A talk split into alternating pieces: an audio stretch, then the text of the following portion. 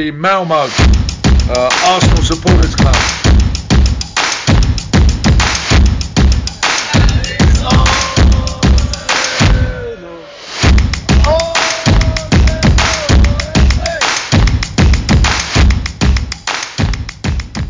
Då hälsar jag varmt välkomna till Arsenal Malmös podcast och jag heter Niklas Lindblad och denna strålande torsdag där vi fortfarande leder ligan har jag med mig Johan Nyberg. Varmt välkommen till Arsenal Malmös podcast.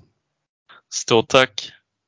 Härligt att ha med dig. Du gör ju din premiär här idag i podden och det är väl perfekt att göra det när vi, har, när vi ligger i toppen utav, utav tabellen antar jag. ja, det blir lite lättare att snacka kanske när det går bra för oss. Absolut, absolut. Det finns alltid någonting att snacka om men det är roligare att snacka om att vi ligger i toppen av eh, tabellen än att, man, att det inte går så bra. Men skitkul att ha dig här. Ja, tack för att jag fick komma. Ja, du är så varmt välkommen. Så när vi har nya gäster här i podden så brukar vi börja med lite introfrågor så att givetvis ska ju du få svara på dem också. Och den första där det är egentligen varför och hur och när det blev Arsenal för din del. Ja, jag fick ju frågorna av dig tidigare på Facebook. Ehm, så jag har gjort lite anteckningar för att eh, försöka sammanfatta det. Så det inte blir en för lång historia. Ehm, men allt började egentligen med att det var två personer som introducerade mig till Arsenal. Första var Fassan som har varit en gunner sedan eh, barnsben. Eh, han har ju hejat på dem sedan han var liten. Så varje gång vi har snackat fotboll så har han tagit upp Invincibles eh, och mer specifikt spelare som Bergkamp, Ljungberg, André och Perez. Så jag är uppväxt mycket Arsenal-snack och matcherna har varit på TVn. Jag förstår att som förälder så vill man ju gärna att sitt barn ska hålla på samma lag. Men det är inte alltid som det räcker till eh, ehm, utan att man själv behöver hitta en, en inre passion för klubben. Eh, och bara för att tillägga så är jag ju eh, uppväxt med ett Arsenal som inte rankas lika högt som gjorde tidigare. Jag är ingen Highbury-generation utan jag är mer Emirates. Så Arsenal var inte jättepopulärt bland kompisar och så. Men som många andra så hade jag en stor fotbollsidol. Och det var en specifik spelare i Arsenal. Kommer även svara på andra frågan vilken som min favoritspelare var förut. Det gör inget, det är bara att köra. Ja, så att eh, stunden som jag kände att Arsenal det var mitt lag var när pappa tog med mig första gången eh, till Emirates den 24 mars 2012 när de mötte Aston Villa. Och eh, Supermek Arteta gjorde även ett frisparksmål från 25-30 meter i sista minuten. Och efter den matchen så har Arsenal varit ja, nummer ett för mig. Och då handlar det inte så mycket om min idol utan att jag fick passion för hela klubben. Eh, sen var det ju jättedrygt att min idol drog till United fem månader senare. Eh, det var sådär. Eh, jag vet inte om du har någon gissning vem, vem han kan vara? Ja, det måste vara van Persie va? Ja, ja. precis. Och, eh, det var ju skitdrygt för att min första originala Arsenal-tröja från min första match på Emirates, den har ju van Persie på ryggen. Eh, den ligger gömd hemma nu eller? Ja, den är inte gömd men den ligger med framsidan utåt. Eh, ja. Ryggen ser man inte. Smart. Sen var ju den tröjan eh, köpt när jag var 11 år så jag har ju växt sedan dess. Så att den passar ju inte idag. Ja, lite, lite grann i alla fall. Lite grann, ja men det är bra. Nej, men det är ju alltid så med, eh, alltså första tröjan är alltid unik och sen det är ju som det är med spelare. De lämnar ju och det var ju ett speciellt fall med van Persie där. Men det är intressant det du berättar om att man måste få upp Alltså det räcker inte med att en, en förälder håller på ett lag egentligen utan man måste ju få upp den där egna passionen själv. Och det var väl ja, ett, ett jävla genidrag utav din farsa att dra med det till eh, Emirates för att jag tror att där är det, det är ju lättare att få den det är ju annorlunda att gå på fotboll i, ehm, i Sverige och i England tycker jag i alla fall att det är rätt så stor skillnad.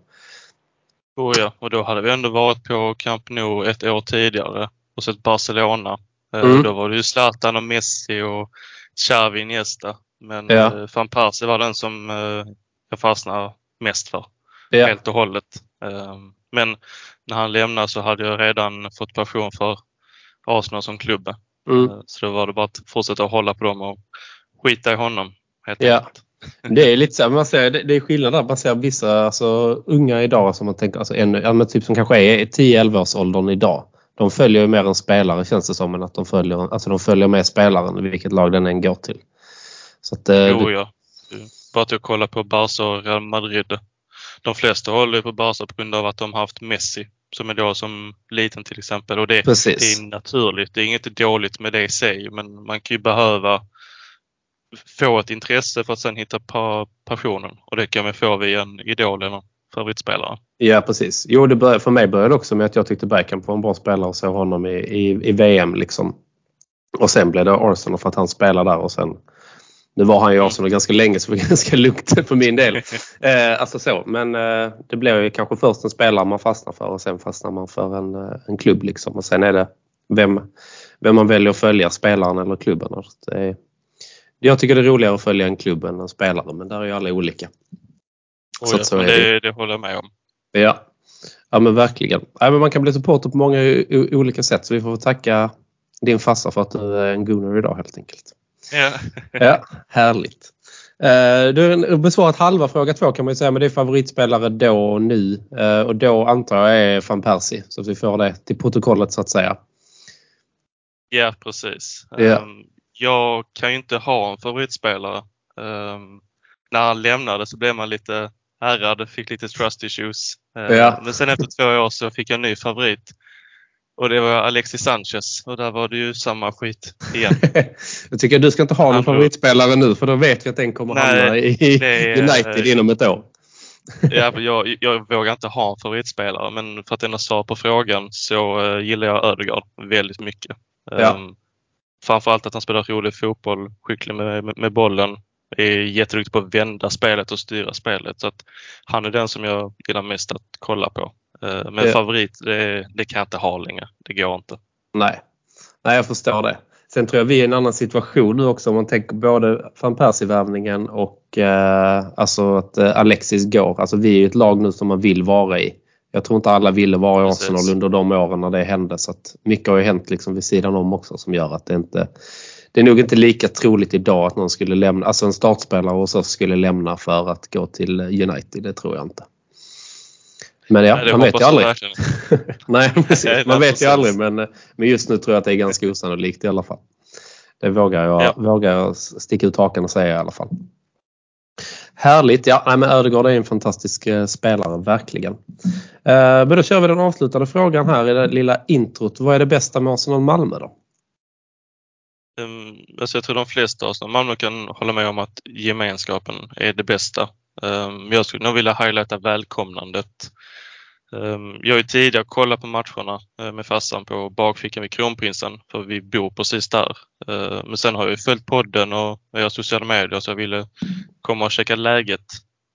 Um, och så fort man kliver in genom Drumbars dörrar så möts man av flera olika generationer av uh, Gunners. Vilket jag tycker är väldigt häftigt men själva välkomnandet är fantastiskt. Man behöver bara sätta sig i vår del av baren och så blir man trevligt bemött och kan bokstavligen snacka med vem som helst. Mm. Eh, och jag har ju bara varit på Drumbar fyra, fem matcher. Nu sitter jag här i podden. Och det bevisar också vilket välkomnande som man får när man kommer med. Ja men absolut. Alltså alla, alltså alla är ju jättevälkomna och jag tror att det är skitkul det du säger också liksom om att det är olika generationer och bara man är där liksom två människor så gäller det att hitta det minsta gemensamma intresset liksom så är det ganska lätt att ha någonting att snacka om. Liksom. Så Ja, att absolut. precis. Så att eh, nej men det är skitroligt att, eh, att, eh, att vi känner att du verkligen ger, alltså ger oss den feedbacken att vi är välkomnade för det tycker jag ändå att vi ska vara och det är kul. Desto fler vi är, alltså det är ju det är roligare. Och nu eh, är det ju det tar ju lite tid innan folk hittar oss men när de väl gör det så är det jätteroligt och vi blir ju fler och fler. Så det är svinroligt. Mm. Verkligen. Yes, ja men vad härligt. Strålande kul att lära känna eh, dig lite mer eh, ur Arsenal och din väg fram till oss.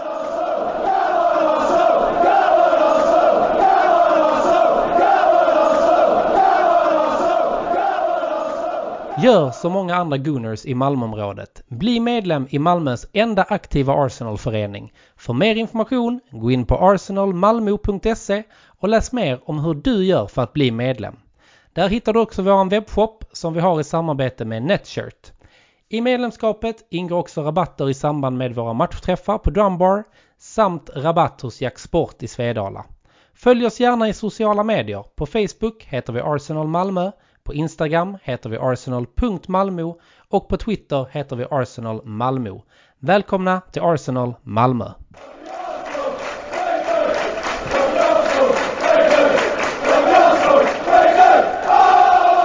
Men jag tänker att vi kör vidare och pratar. Vi har spelat lite matcher sen senaste podden släpptes och eh, jag tänkte att vi börjar med den matchen som var i helgen mot, eh, mot Leicester.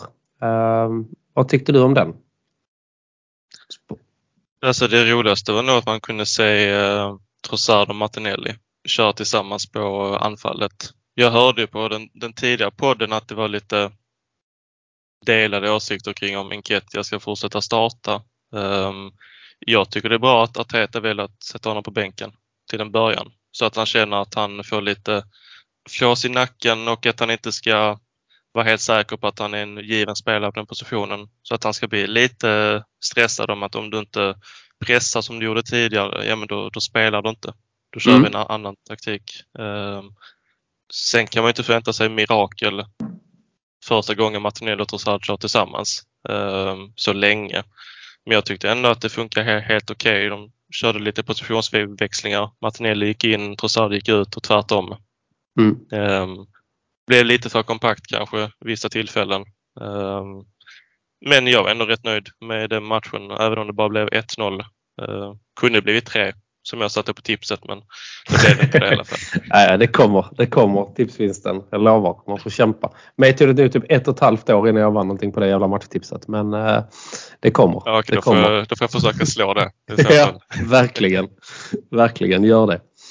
Uh, nej men det jag tycker det är intressant det du säger också. Alltså, jag tyckte också att vi gör en bra match och visst det hade kunnat bli fler mål men alltså det är bara tre poäng man vill ha. Uh, alltså det är, jag skiter i om det blir 1-0 eller om vi vinner med 4-3 just nu. Liksom bara, bara vi eh, vinner. Men vi gör en stabil insats och jag tycker det är bra att Arteta börjat alltså rotera truppen lite nu också ändå. Uh, och gör byten i rätt tid och lite sånt mer för att liksom vila spelare också. Och jag älskar ju det som du säger, liksom att man ska, jag tror att lag utvecklas bäst om man har någon. Man ska aldrig känna sig riktigt säker på liksom, nej men jag kommer få starta.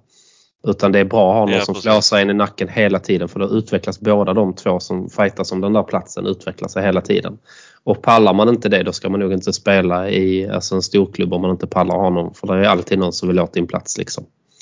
Eh, så jag tycker bara, bara, att det är, det är bra. Um, så att uh, nej men det är bara att köra på. Det är bara Saka som inte har någon som flåsar han i nacken. Man kanske inte behöver det lika mycket som Nej, jag tror att han killarna. hittar någon motivation då. Ramsdale har väl inte det riktigt heller. Uh, alltså så. Men målvakter ska är ju rätt skönt att ha en tryckpunkt där bak liksom. Uh, på mm, något sätt. Ja. Tycker jag. Men, uh, men ändå vi har, det hade vi inte för några år sedan liksom heller den här konkurrensen i truppen utan det var rätt tydligt liksom vilka som var A-spelare och vilka som var B-spelare om man säger så. Så det är, ändå, det är ändå jättebra att, den, att det fortsätter. Sen var man ju lite orolig att Martinelli skulle bli riktigt skadad. Han, han la kved ett ja, tag efter målet. Då hade man ju lite puls men... Uh... Alltså den stämningen på Drumbar. Alla skrek och tjoade och. Sen tog det två sekunder sen var alla knäpptysta. När Martinelli låg uh, i backen och höll sig om knät. Då, ja. då var man glad och orolig samtidigt. Ja precis. Det var skönt att han, att han eh, restes upp där ordentligt och att han, att han är hel. För det är också viktigt nu känner jag framöver att vi har just att vi börjar rotera truppen och att vi har liksom spelare som kommer tillbaka eh, från sina skador också mer och mer så att vi har lite mer utrymme för det kommer ju, alltså någon gång blir det ju någon, någon skada och det blir ju någon avstängning liksom. Så att då gäller det att ha spelare varma liksom som kan, eh, som kan komma in och, och göra jobbet liksom. Ja, precis. Så att det blir bra. Men vad tycker du om eh, Trossarder som värvning? Alltså nu, ju, man kan vara klok i efterhand om man nu ska jämföra med Mudrik som vi egentligen skulle få. Så har ju Trossard gjort så mycket mer i ligan. Ehm, men sen hade man andra förväntningar på Trossard för att han har spelat i Premier League i om det är mer än tre eller fyra år. Han har ju ändå funnits där en stor del och han är en kvick spelare. Han är väldigt, alltså han är inte fast ute på kanten utan han kan vika in och köra lite central forward. Um, mm. Så att det kanske inte är jättesvårt att spela honom. Um, men för de pengarna och det behovet som vi hade sen att Martinelli också skulle få någon som man hade kunnat byta med. Mm. Och att man hade kunnat prova ett nytt anfall där Trossard och Martinelli kör tillsammans ifall Mm. Nketiah i värsta fall skulle bli skadad eller som det har blivit nu att han har tappat lite motivationen. Eh, han löper ju absolut inte lika mycket längre. Han har inte samma hunger. Eh, tappar många bollar men de matcherna som han har spelat tidigare när han har kommit in så har han ändå gjort det bra ifrån sig. Det kan man inte ta ifrån honom. Men det ska också hålla säsongen ut. Eh, Jesus är ju inte tillbaka så att vi måste ändå fortsätta som vi gjort tidigare. Ja absolut. Nej, men jag tycker att han är en briljant värvning eh, trots allt. Liksom, alltså bra, rimlig peng om man jämför med pengarna vi skulle lagt på eh, eh, Mydryk. Så att, alltså, det, det är jättebra att han, han blir alltså, han går också, det är ju det som är bra med både han och Jorginho egentligen att vi får in spelare som har spelat i Premier League innan som vet vad det handlar om. Um, så att de är mycket lättare att få in uh, alltså snabbt istället för att ta någon utifrån. Det tar ju några månader innan de liksom verkligen börjar prestera. Här får vi spelare som kan prestera direkt. Uh, så det är Mm, jättebra. Så att han tycker han har gjort jättebra ifrån sig. Mål och lite assist har han fått till tror jag och alltså så kommit in i det. Och känns också som en spelare som passar Arteta. Jag tror att Arteta vill inte ha för många stora stjärnor utan det ska ändå vara människor med fötterna på jorden liksom. Det har man ju märkt. Ja. Han har ju rensat ut Aubameyang och Özil liksom ganska snabbt ändå så fort de har börjat med sina liksom, lite diva-fasoner. Liksom. Så att, eh, jag tror att han hittar spelare som passar in. inte så många divor längre i laget. Nej, det är Alltså, ingen som jag ser alltså, som en diva. Den som hade kunnat bli det egentligen som är den stora stjärnan egentligen. Det, så det är Saka och Ödegård egentligen. Som Mm. hade kunnat hamna där. Men eh, de gör ju inte det för att de har ju fötterna på jorden. Liksom. Och de har Ja, nog fått se rätt klara exempel på att ja, okej, blir jag en diva här så har jag spelat min, min sista match. Liksom. Och det uppskattar man ju med Arteta att han vågar sätta ner liksom, foten på det sättet. Liksom. Mm, oh ja. Ja. Så att, eh, nej men det är härligt, verkligen. Ja, men det var en bra match som sagt sammanfattningsvis. Så vem tyckte du var matchens lirare i den matchen då? Om du får välja ut någon. Så det är svårt. Um, men så tycker jag Saliba gör ändå alltså, lika bra insatt var, varje match han spelar. Han är lugn och sansad. Han gör inget onödigt. Um, tyckte inte någon spelare den matchen var fantastisk. Eh, men jag tyckte Saliba var, var mest stabil i alla fall. Ehm, sen att Leicester inte gör mål på våra bolltappar, eh, det ska vi vara väldigt glada för. Ehm, men det är ett bevis på att vi kan tappa bollen och vi kan jobba hem och ta tillbaka den. Ehm, det var till och med så han Dewsbury Hall sa en, eh, en kommentar efter matchen att det var ett sea of red när Leicester kontrade. Att det var så många som jobbade hem men Mm. om man måste välja en så är det Saliba. Vad, Ja. tycker, du- vad tycker du själv? Nej men jag, jag är nog beredd att hålla med dig på den. Alltså, han gör väldigt stabila insatser hela tiden. Eh, verkligen. Och eh, det här med hemjobbet. Alltså om man backar bandet några år så hade vi ju ingen som jobbade hem helt plötsligt. Liksom. Eh, ja, men det kändes det som i, i många matcher och vi hade mycket mer individuella bolltapp än vad vi har, än vi har, har nu också. Liksom. Så att, eh, alltså vi, vi har, det är ju ett lag som spelar, det är inte bara offensiven tycker jag ändå alltid Arsenal har haft. Liksom. Även Mm. de här åren som har gått knackigt. Men det är just liksom att hela laget måste även jobba hemåt. Liksom. Eh, och där är ju Saliba och Gabriel föredömligt bra. Liksom. De löper ju alltid hem. Och det gäller att vi har löp med det spelsättet vi har där vi vill gå framåt ganska mycket på kanterna och även med våra ytterbackar. Så gäller det ju att ha två jävligt löpstarka liksom, eh, inre, alltså mittbackar som, är, som kan löpa hemåt också. Och det gör de Ja, ja. jättebra och eh, Saliba är ju en jäkla, jäkla stjärna och som du säger också väldigt lugn och trygg och gör liksom, alltså han gör ju inget alltså, fel. Alltså han är ju så jäkla, han är, liksom, ligger rätt i position hela tiden och gör det han ska och, eh, liksom, och ingen sån här mittback som ska liksom upp och tjafsa om något domslut går emot honom utan han bara reser sig upp och löper vidare liksom. Det har vi eh, fått uppleva en hel del eh, från tidigare säsonger med Gabriel och Xhaka till exempel. Där blev man ju nervös varje gång det blev en diskussion på planen. För då Ja, ska absolut. någon av dem upp och göra någonting onödigt. Men Saliba, så det, det känns som inte han kan bli lack eller tappa fokus. Utan Nej, han, det han, känns han som bara att han- spelar på bollen hela tiden.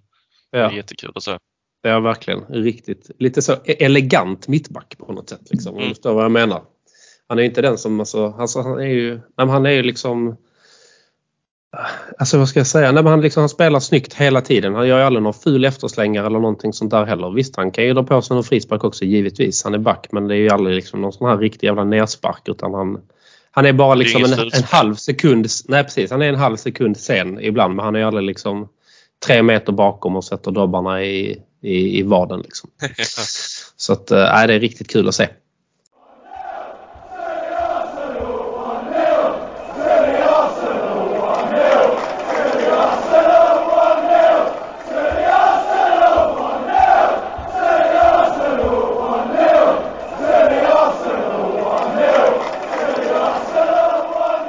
Härligt.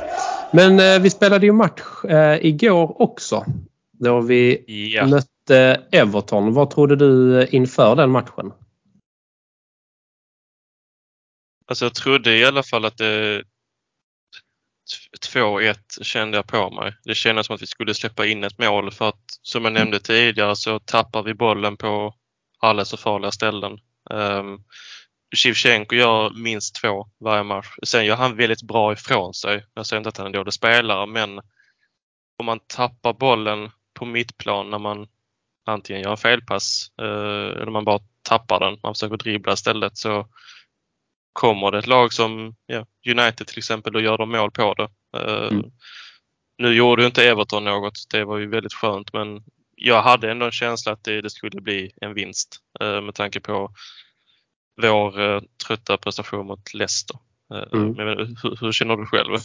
Nej, men jag kände också, alltså jag tippade 2-0 innan jag tänkte att nu rycker vi upp oss. Liksom. Det är hemmaplan och Everton, vi kan inte förlora liksom, två matcher mot dem och framförallt inte hemma. Uh, det håller liksom inte. Så jag trodde typ 2-0 och alltså en stabil insats. Men märkte också lite att i första halvlek så tycker jag att vi är kvar lite i det här Leicester-lunken på något sätt. Alltså det är inte så mycket bra tempo. Ja. Uh, White gör några fel, två felpassar på två minuter också det här med att tappa bollen i enkla lägen liksom som vi har vissa spelare. Alltså det gör alla mer eller mindre nästan under matchen. Vissa gör det mer och vissa gör det mindre liksom. Men vi har ju lite de här enkla, enkla felen vi gör och som sagt nu mötte vi Everton. De är rätt snabba i omställningarna också men de får inte ut någonting uh, igår. Men är det, möter vi ett bättre lag precis som du säger då blir vi straffade ganska snabbt. Så de, uh, de enkla bolltappen måste minimeras. Och sen var det, de la ju jävligt kompakt Everton. Liksom. De hade ju sin matchplan och det var ju, det är ju Burnley liksom. Det är ju bara att backa hem. Um, och ökar inte vi tempot då, vi försöker slå in bollar alltså in i boxen, i, alltså höga inlägg, det vinner vi ingenting på där. Vi har inte de spelarna som går upp och nickar undan mot dem uh, där inne. Så att, uh, det var nog jäkligt viktigt. Och sen jag tror fram tills att vi har 1-0 så har de tre skott på mål och vi har ett liksom. Men sen ökar vi bolltempot lite kombination och sen är Xhaka igenom och så har vi 1-0. Uh, eh, och då, uh, då måste ju de gå framåt.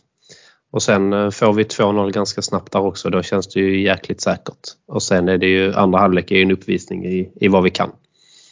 Ja, där var det mest lek. Alltså, då var ju Everton lite ute med, med sitt försvar. Det höll ju mm. inte längre. Alltså, Nej var den assisten från uh, Enketia till Martinelli och uh, vad var det med, när Örjan gjorde sitt mål, det var det Trossard som gör 90 procent av jobbet. Mm. Bara flyger förbi på kanten, slår en ja. passning som går förbi var tre, fyra Everton-spelare och sen om den går tunnel på uh, Pickford när Enketia gjorde sitt mål. Och Örjan ja. hade bara, alltså han skulle bara träffa målet så går den in. Ja. Så att Sean Dyke ska nog inte vara nöjd med sitt uh, försvarsspel i andra halvlek i alla fall. Eh, Nej, verkligen Första inte. var det ju jättekompakt. Alltså det, det ja. försvar var ju mer tight än hans knutna slips kändes ja, det som. Alltså det var ju verkligen. fem spelare mot eh, Trossard till exempel i vissa situationer. Men det löste ju Arsenal rätt bra sen. Mm, också absolut. att de kom förbi. Ja, och även när, när, Everton har lite chanser i första, eller när de ställer om, då har vi Gabriel och Saliba som gör det där hemjobbet också liksom och är där. Och, så att de, de får inga farliga chanser när de ställer om och det är ju Arsenal medvetna om att när de ligger i pressen så till slut så kommer det ju en, en omställning liksom såklart.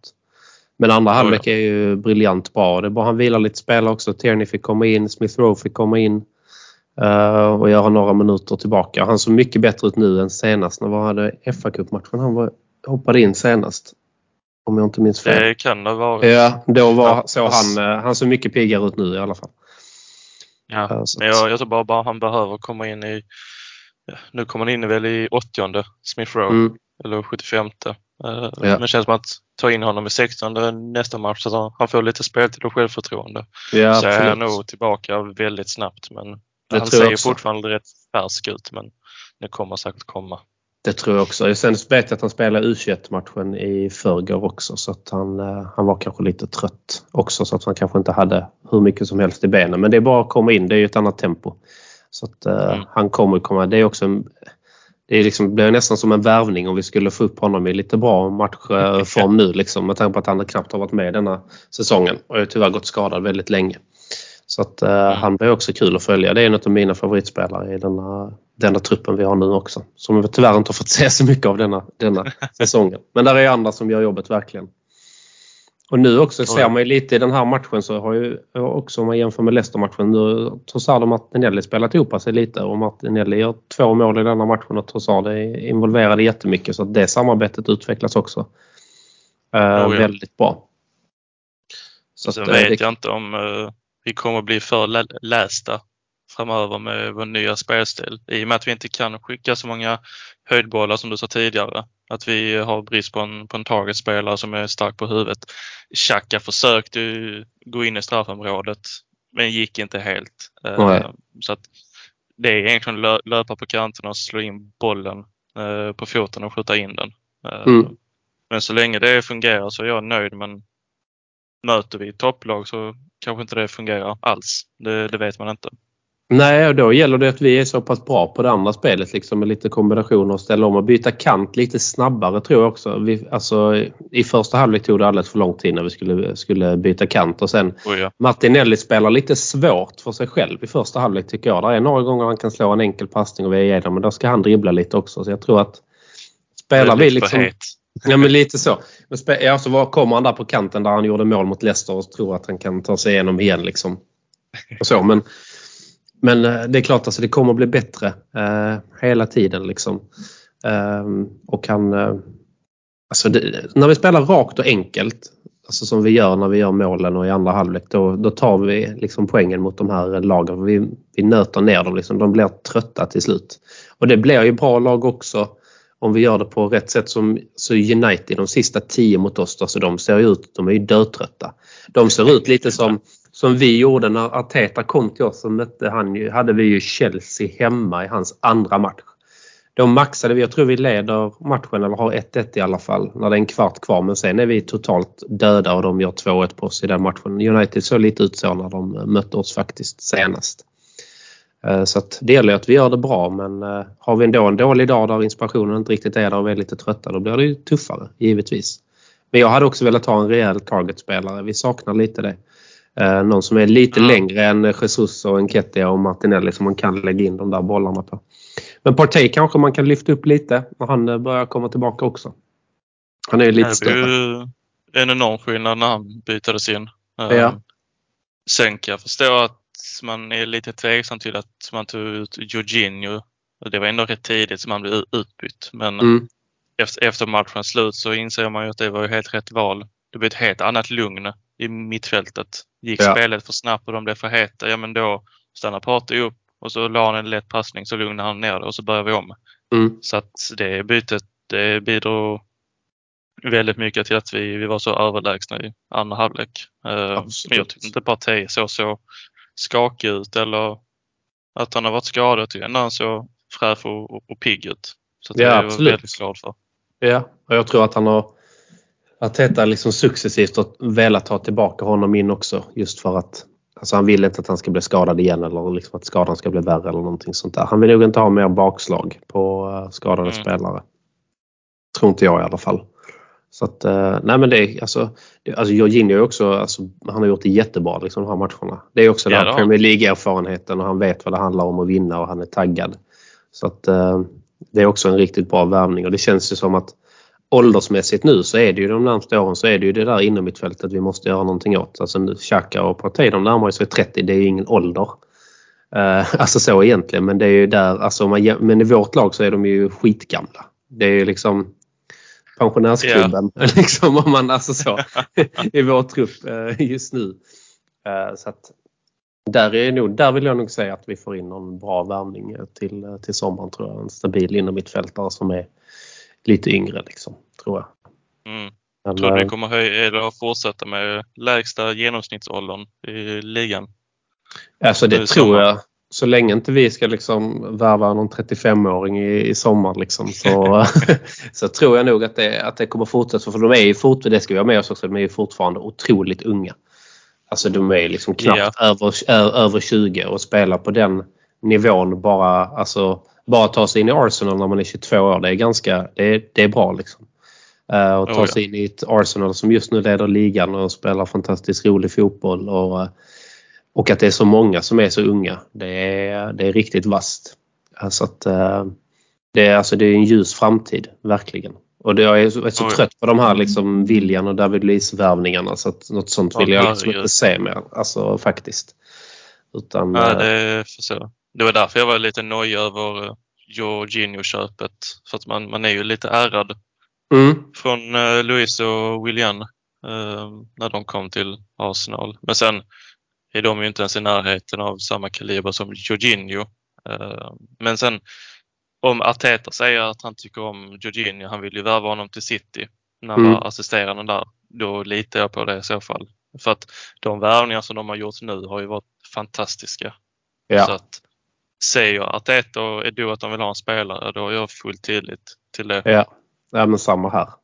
Faktiskt. Alltså jag tror att de gör jobbet väldigt bra. De, liksom, ja, vi vet ju nog att det finns pengar i klubben men de lägger, de lägger det på rätt spelare och rätt liksom, typ av människor också som passar in i gruppen. Alltså Arteta vill ha ett lag. Han vill inte ha de här allt för stora stjärnorna. Liksom. Så att, eh, jag litar ändå på hans omdöme precis som du. För att han har gjort Alltså jag känner inte att han har gjort någon misslyckad värvning sedan han kom in.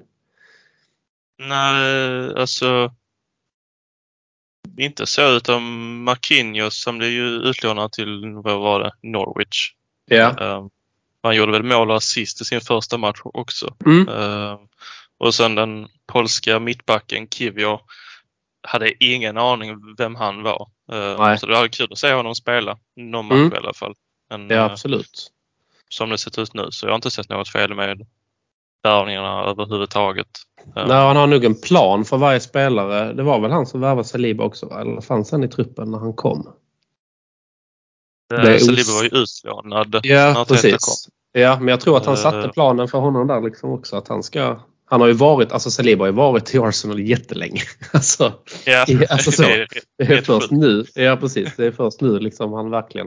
Men han verkar ha en plan. Eller jag tror att Marquinhos och Kivior, alltså där är liksom så. Ja, men om, alltså han kanske tror att Kivior kommer gå in Kanske bli utlånad nästa säsong och sen ska han gå rakt in och ersätta Xhaka eller Partey efter nästa säsong. Det kan vara planen. Jag vet inte. Men Uppe på mittfältet. ja, kanske. Jag vet inte vad han tänker. Han kan nog göra om allting. Arteta tror jag är helt... Jag vet inte. Ja, han, han kan nog trolla fram någonting. Eh, Ja. eh, Men jag, Mm. jag måste söka på Kivior sen på Youtube och kolla hur Ja, han har spelat. För jag har ingen blekaste aning om honom. Nej, inte jag heller. Måste jag gå in och kika på. Om det finns några highlights till exempel. Men sen kan du hitta Finns highlights om vilken spelare som helst. Alltså, Ja, ja. Det kvittar hur dåliga de är. Det finns highlights på alla. ja så det man precis. med en ny- nypa salt också. Sen ser man att det är typ samma. Att de, okej, nu har de loopat de här dragningarna liksom tre gånger. Nu är de nog inte så bra. Ja, nej men man vet inte. Men har du någon sån där värvning som du skulle vilja få in? Alltså en spelartyp, det behöver inte vara någon exa- exakt spelare. Men eh, det något du tycker vi saknar? Så det är i så fall mer alternativ på mittfältet. Um, Lokonga fick ju inte riktigt chansen. Han blev ju också utlånad till Crystal Palace. Mm. Um, hoppas han gör bra ifrån sig där. Men som du säger med åldern på Xhaka och, uh, och Partey så känns det lite tryggare för vi skulle in en yngre inom mittfältare. Uh, en defensiv mittfältare och så en lite mer allrounder eh, som Xhaka. Han kan ändå göra mål och han kan ändå försvara och spela runt bollen. Men eh, Declan Rice är ju ett hot topic att Mm. värva. Håller med Eh, dig. Sen vet jag inte, alltså lite osäker på det. det känns, jag, jag vill inte få upp mina förhoppningar om, om Declan Rice för att det finns andra klubbar som också är intresserade av honom. Eh, United till exempel har ju också Mm. varit där. Um, om Chelsea får honom så nej, det, det hade varit tråkigt. Där man tyckt synd om honom. Jag tror inte de kommer få Faktiskt. det med tanke på hur det går för dem. Men kommer Bowley in och ger honom ett x antal miljoner i veckan så kanske det är svårt för honom att tacka nej för att han har ju inte tjänat så mycket pengar i West Ham som man trodde. Nej. Han har inte haft ett jättebra kontrakt som han egentligen förtjänar. Han är ju en av de minst betalda spelarna i hans Mm. kvalitet. Så han kanske vill ha lite kompensation för det och det Chelsea kan ju erbjuda honom större lön, tror jag. Än vad Ja, det Arsenal tror jag också. Det tror jag också. Så att, kommer eh, han till just nu till ett sämre lag men eh, det är klart man får ju tänka på fotbollsspelare också. Så, fan, de har ju en karriär som är egentligen under 10 år där de kan tjäna enorma pengar. Eh, Alltså så. Och det är klart att de vill säkra upp sin framtid liksom. Så att det är ju inte bara, sen är det ju så, ja man vill inte ha de spelarna som bara spelar för pengar. Nej men hade man själv suttit där och vet att jag kan säkra hela min framtid och ha ett jäkligt bra liv så Alltså alla människor är ju sig själv närmast när det väl kommer till kritan. Liksom. Oh ja. Ehm, Så jag hoppas ju att Rice tänker med hjärnan och inte med plånboken. Ehm, För att går han till Arsenal så kommer han ju få spela Champions League. Och det har han ju sagt att han, att han vill spela. Det är en av anledningarna till varför han vill lämna West Ham och Mm. också. Han vill spela de stora turneringarna. Det kommer han inte få med, med Chelsea som det ser ut just nu i alla fall. Men Nej. eh, alltså Kamavinga från Real Madrid också. Han var, det var ju lite ryktat. Nu var det ju inget riktigt rykte så. Um, Ancelotti gick ju till och med ut och sa att eh, vi ska inte sälja Kamavinga. Uh, men det är också för att han, han är så himla ung. Uh, Han är väl typ av och jag 2021 gillar- va? Ja, 21 tror jag han är och vara Ja. på den nivån som han spelar på. Ehm, så att jag hade nog föredragit Kamavinga för Declan Rice. Ehm, men Declan Rice har redan bevisat sig i Premier League och, och landslaget. Men Mm. eh, lite osäker på värvningarna. Vad, vad tycker du själv? Nej men alltså jag tror, alltså det känns som, det är nog lite, alltså under sommaren har man nog lite mer råd kanske att köpa in någon som kommer från någon annan liga. Uh, för att ja, men då kan man ändå spela in dem lite under hösten och ge dem tid. Liksom. Men uh, de värvningar vi gör nu i januari när vi plockar Premier League-spelare det tyder ju också på att, vi, att, vår, alltså att Arsenals status har ökat när man liksom kan plocka inhemska spelare istället för att plocka dem från andra ligor. Och just i januarifönstret tror jag det är ganska viktigt om man vill liksom ha ut, ha ut någonting utav dem liksom direkt så är det nog viktigt att plocka därifrån.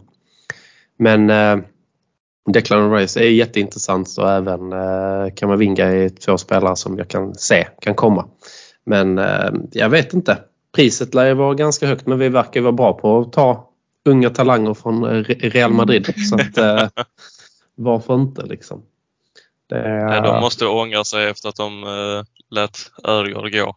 Efter ja, verkligen. Är- Alltså när man ser den utvecklingen på honom så eh, herregud alltså. Då är Det det... var så skönt hans eh, kommentar att eh, om jag hade varit spansk så hade jag kanske fått mer speltid Mm. i Real. Eh, det gick han ju ut och sa också men alltså Ja. det jag blev jätteglad när de tog in honom på lån och sen att de värvade honom till slut också. Eh, Ja. Och nu så han, han och De Bruyne ligger i toppen på mittfältet i min åsikt. eh, Ja, absolut. I Prem- Premier League. Um, sen De Bruyne har ju gjort det mycket längre ju, men uh, tycker Ödegaard är inte så långt ifrån. Nej, absolut kommer inte. jag ikapp honom i, i kvalitet. Nej. Nej, men jag håller med.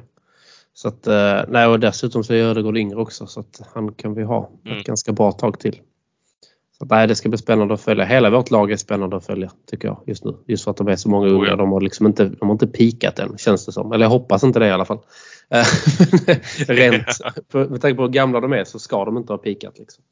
Så att, eh, det känns jävligt bra. Sen har vi bra, alltså just Alltså Ramsdale tycker jag också är också en sån bra värvning liksom, som har kommit in. Alltså så jättebillig och har liksom utvecklat sig. Alltså han kommer ju vara Englands nummer ett.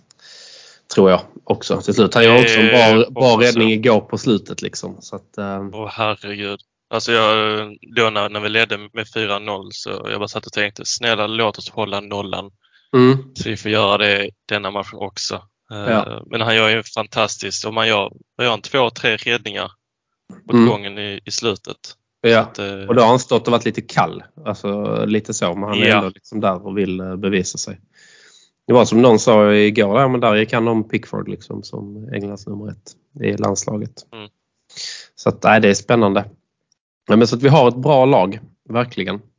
Eh, jag tänkte vi skulle titta lite framåt. Vi har ju en match till denna veckan, vilket är skönt på lördag när vi ska möta Bournemouth hemma. Och Mm. där ska vi väl också ha tre poäng, eller vad tror du? Det ska definitivt vara tre poäng. Ehm, och jag hoppas det blir eh, bättre i första halvlek för att skulle det vara så att vi slarvar för mycket och Bournemouth gör mål, leder de med 1-0 då är det, då är det park the bus från deras Mm. sida. Och då blir det ingen rolig fotboll att kolla på när ett lag försvarar hela tiden. Ehm, men kanske starta Partey istället. Ehm, köra Trossard och Martinelli igen. Eh, och sen ta in En- Enketia när någon av dem blir trött i så fall. Men eh, jag hoppas i alla fall på en 2 2-3-0 match den också. Ehm, de gångerna som, som jag har be- bettat på, på drumbar så har jag alltid sagt många mål. Typ 3-0 har jag satt de flesta gångerna men så har det bara blivit 1-0 eh, när jag spelat på det. Men nu ska jag i alla fall sätta 2-0 på lördag. Jag hoppas att det blir det också. Men Ja. Jag är lite orolig för att det känns som att varje match som vi spelar nu känns som en final.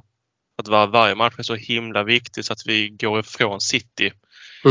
Eh, Eller åtminstone i håller avståndet så att vi nästan har, nästan har råd att tappa poäng. Mot vi ska möta dem borta så ett kryss i den matchen är ju taget. En vinst, absolut. Men ehm, det gäller ju att hålla dem. De ska ju inte få den här känslan av att liksom att den när vi möter dem i slutet av april så ska inte det vara, äh, men nu kan vi gå om Arsenal eller någonting sånt där med en vinst liksom. Så det gäller att hålla det verkligen. Och de möter ju oss, eller förlåt, de spelar ju matchen innan oss mot Newcastle också. Så, Ja, eh, han två tror jag. mm, precis. den ska bli kul att se. Absolut, och den blir ju lite vad som händer i den matchen där. Skulle de tappa poäng då måste vi vara enormt taggade liksom för, för att gå, eh, och gå all in liksom mot eh, Bournemouth. Men det är lite som du säger där också att bara vi spelar vårt spel liksom och, och inte hamnar i det här. För de kommer ju backa hem med allt de har och gå på kontring. Det är liksom Ja. och då är det bättre att vi gör en andra halv, alltså vår första halvlek ska vara som andra halvleken var nu igår. Så att vi verkligen, eh, alltså det ska stå 2-0 i paus helst och sen kan vi bara spela av den matchen i, i andra halvlek. Eh, Precis. känns det som. Så att, eh, nu stod det, nog nu inte stod det i och för sig spelat. 2-0 igår också. Jag hör ju på mig själv hur dumt det låter. Men eh, det kändes som det satt långt inne liksom. Göra, göra 1-0 på de första kvarten, första 20 där och sen utöka det och sen bara spela av matchen och få snurr på lite folk också. För det, sen blir det ju tajtare eh, spelschema. Mm, jo, ja. Att, när Europa League drar igång.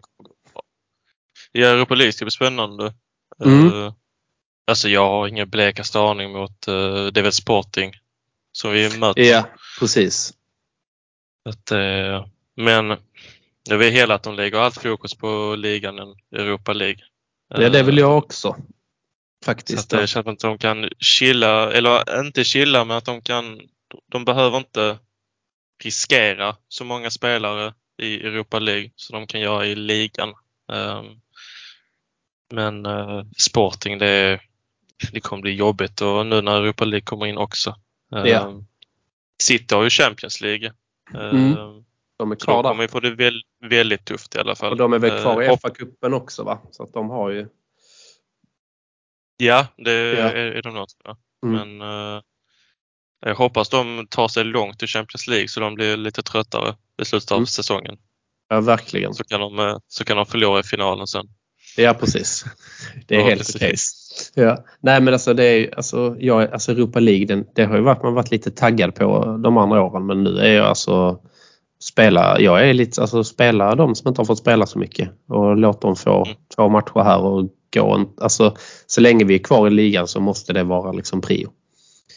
Eh, han får inte få något storhetsvansinne nu att han ska ta en. Visst det hade varit kul om man hade tagit en liksom Europatitel och vinna ligan, absolut men tar, om man får välja en så är det Premier League man vill vinna och vill ju inte att han ska eller att vi ska misslyckas i båda turneringarna. Liksom. Men jag ser inte att vi, om vi åker ut med vad ska man säga, ett litet B-lag eller reserver i Europa League och satsar på Premier League så ser jag inte det som ett misslyckande. Utan snarare lite sunt förnuft. För vår trupp är fortfarande ganska tunn. Den har ju varit nerbantad och liksom alltså så. Och den är fortfarande ganska så om man jämför med andra topplag så har vi en, den minsta truppen egentligen med, med alltså om man jämför med typ City så att det ja, gäller nog att inte spela för hade ju kunnat komma topp 6 i alla fall i ligan. Alltså mm. deras reserver, de har ju så sjukt många byten att göra. Ja, ja. Och det är inte bara att det är någon, eh, någon kille från deras ungdomsakademi utan det är bra spelare som de kan byta in. Ja, det är spelare som har gått in och startat i många andra klubbar i, i Premier League. Ja, så de har ju lite mer bredd ja. på sin sida än, än vad, vad vi har. Men tycker inte det är något lag i ligan som spelar så bra tillsammans som Arsenal. Alltså samarbete mellan varje spelare, alltså Gabriel och Saliba, eh, mm. uh, mittbacksparet, Martinelli, Trossard, Saka, anfallet, Ödegaard, Xhaka, Partey. Alltså allting funkar skitbra. Um, Precis, det hänger ihop liksom. Men sen Ja precis, jag tycker det är inte något lag i England som, som har så bra kemi med varandra som i Arsenal. Jag ehm, tror så det är därför det funkar så himla bra. Och att de har fått mer självförtroende, lite, lite mer pondus och vågar spela lite mer offensivt. Ehm, Men de har tappat så. det här pojk, pojkaktiga liksom utan de har växt upp lite och liksom nu är de med och tävlar på, på riktigt liksom. Och sen den enda där som jag har liksom lite, inte frågetecken men alltså Saka måste vi börja vila lite snart också.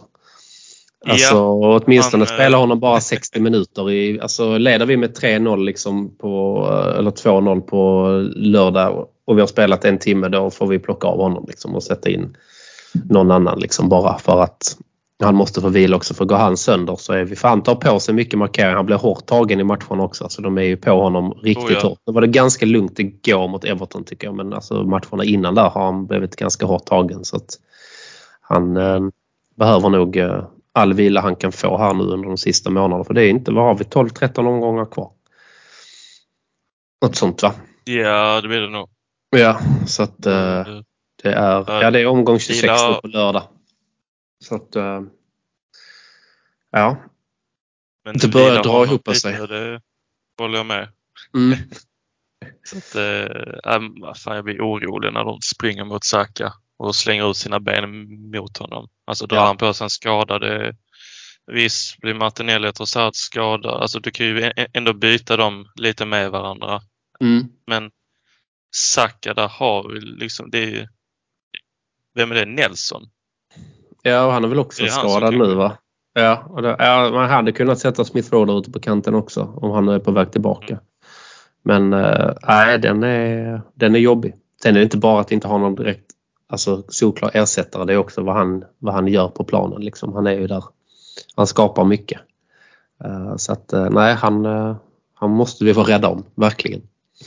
Ja, och förlänga med. Ja, det verkligen. Ser, det ser ljust ut i alla fall. Det är ju snack om 2028 som man ska ja. förlänga. Men, Nej, men ja. det är inte påskrivet än. Så att, uh, Nej, och det, ibland så tror jag att Arsenal också det kan vara påskrivet bara att de ska hitta rätt tid och gå ut med det. Liksom. De, eh, de brukar ju hitta lite sådana, lite luckor liksom. Det känns som att de har någon, liksom, någon eh, PR-strateg som har lagt upp liksom fem veckor i förväg vad som ska komma ut på arsenal.com och så bara ja, okej okay, men då tar vi där vid påsk eller någonting. Då är det dags att vi presenterar Saka och så har han redan skrivit på i februari. Man vet det aldrig. Men jag tror att han kommer skriva på. Det finns inte en chans att han skulle vilja gå till en annan klubb just nu. Jag har sagt det någon gång innan också. Så länge Arsenal utvecklas i den takten som, alltså att klubben utvecklas i den takten som spelarna vill. Vill de nu till Champions League och vi kommer in i Champions League, varför ska de då gå någon annanstans? Eh, alltså så. Eh. Den tror jag är riktigt viktig. Yes, nej men Bournemouth-matchen bör vi ju klara av eh, tycker jag på mm. ett väldigt eh, bra sätt. Och det är ett bra spelschema här nu framåt också så att eh, det gäller bara att hänga i och som sagt har vi lika många poäng som City har på, de, på matcherna framöver så är det fortfarande vi som, som leder. Så att, det är nog bara att ta en match i taget tror jag. Verkligen. Ja.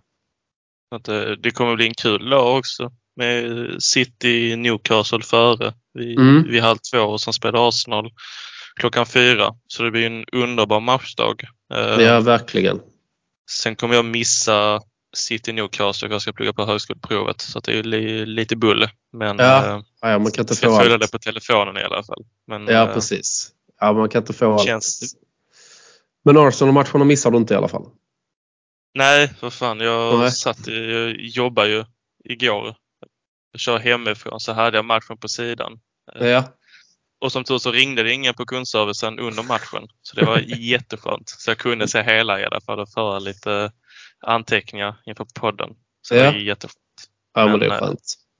Hade en kund ringt och Arsenal hade släppt in mål eller gjort mål så hade jag fått muta min mick i så fall. Det hade det nog löst sig rätt bra.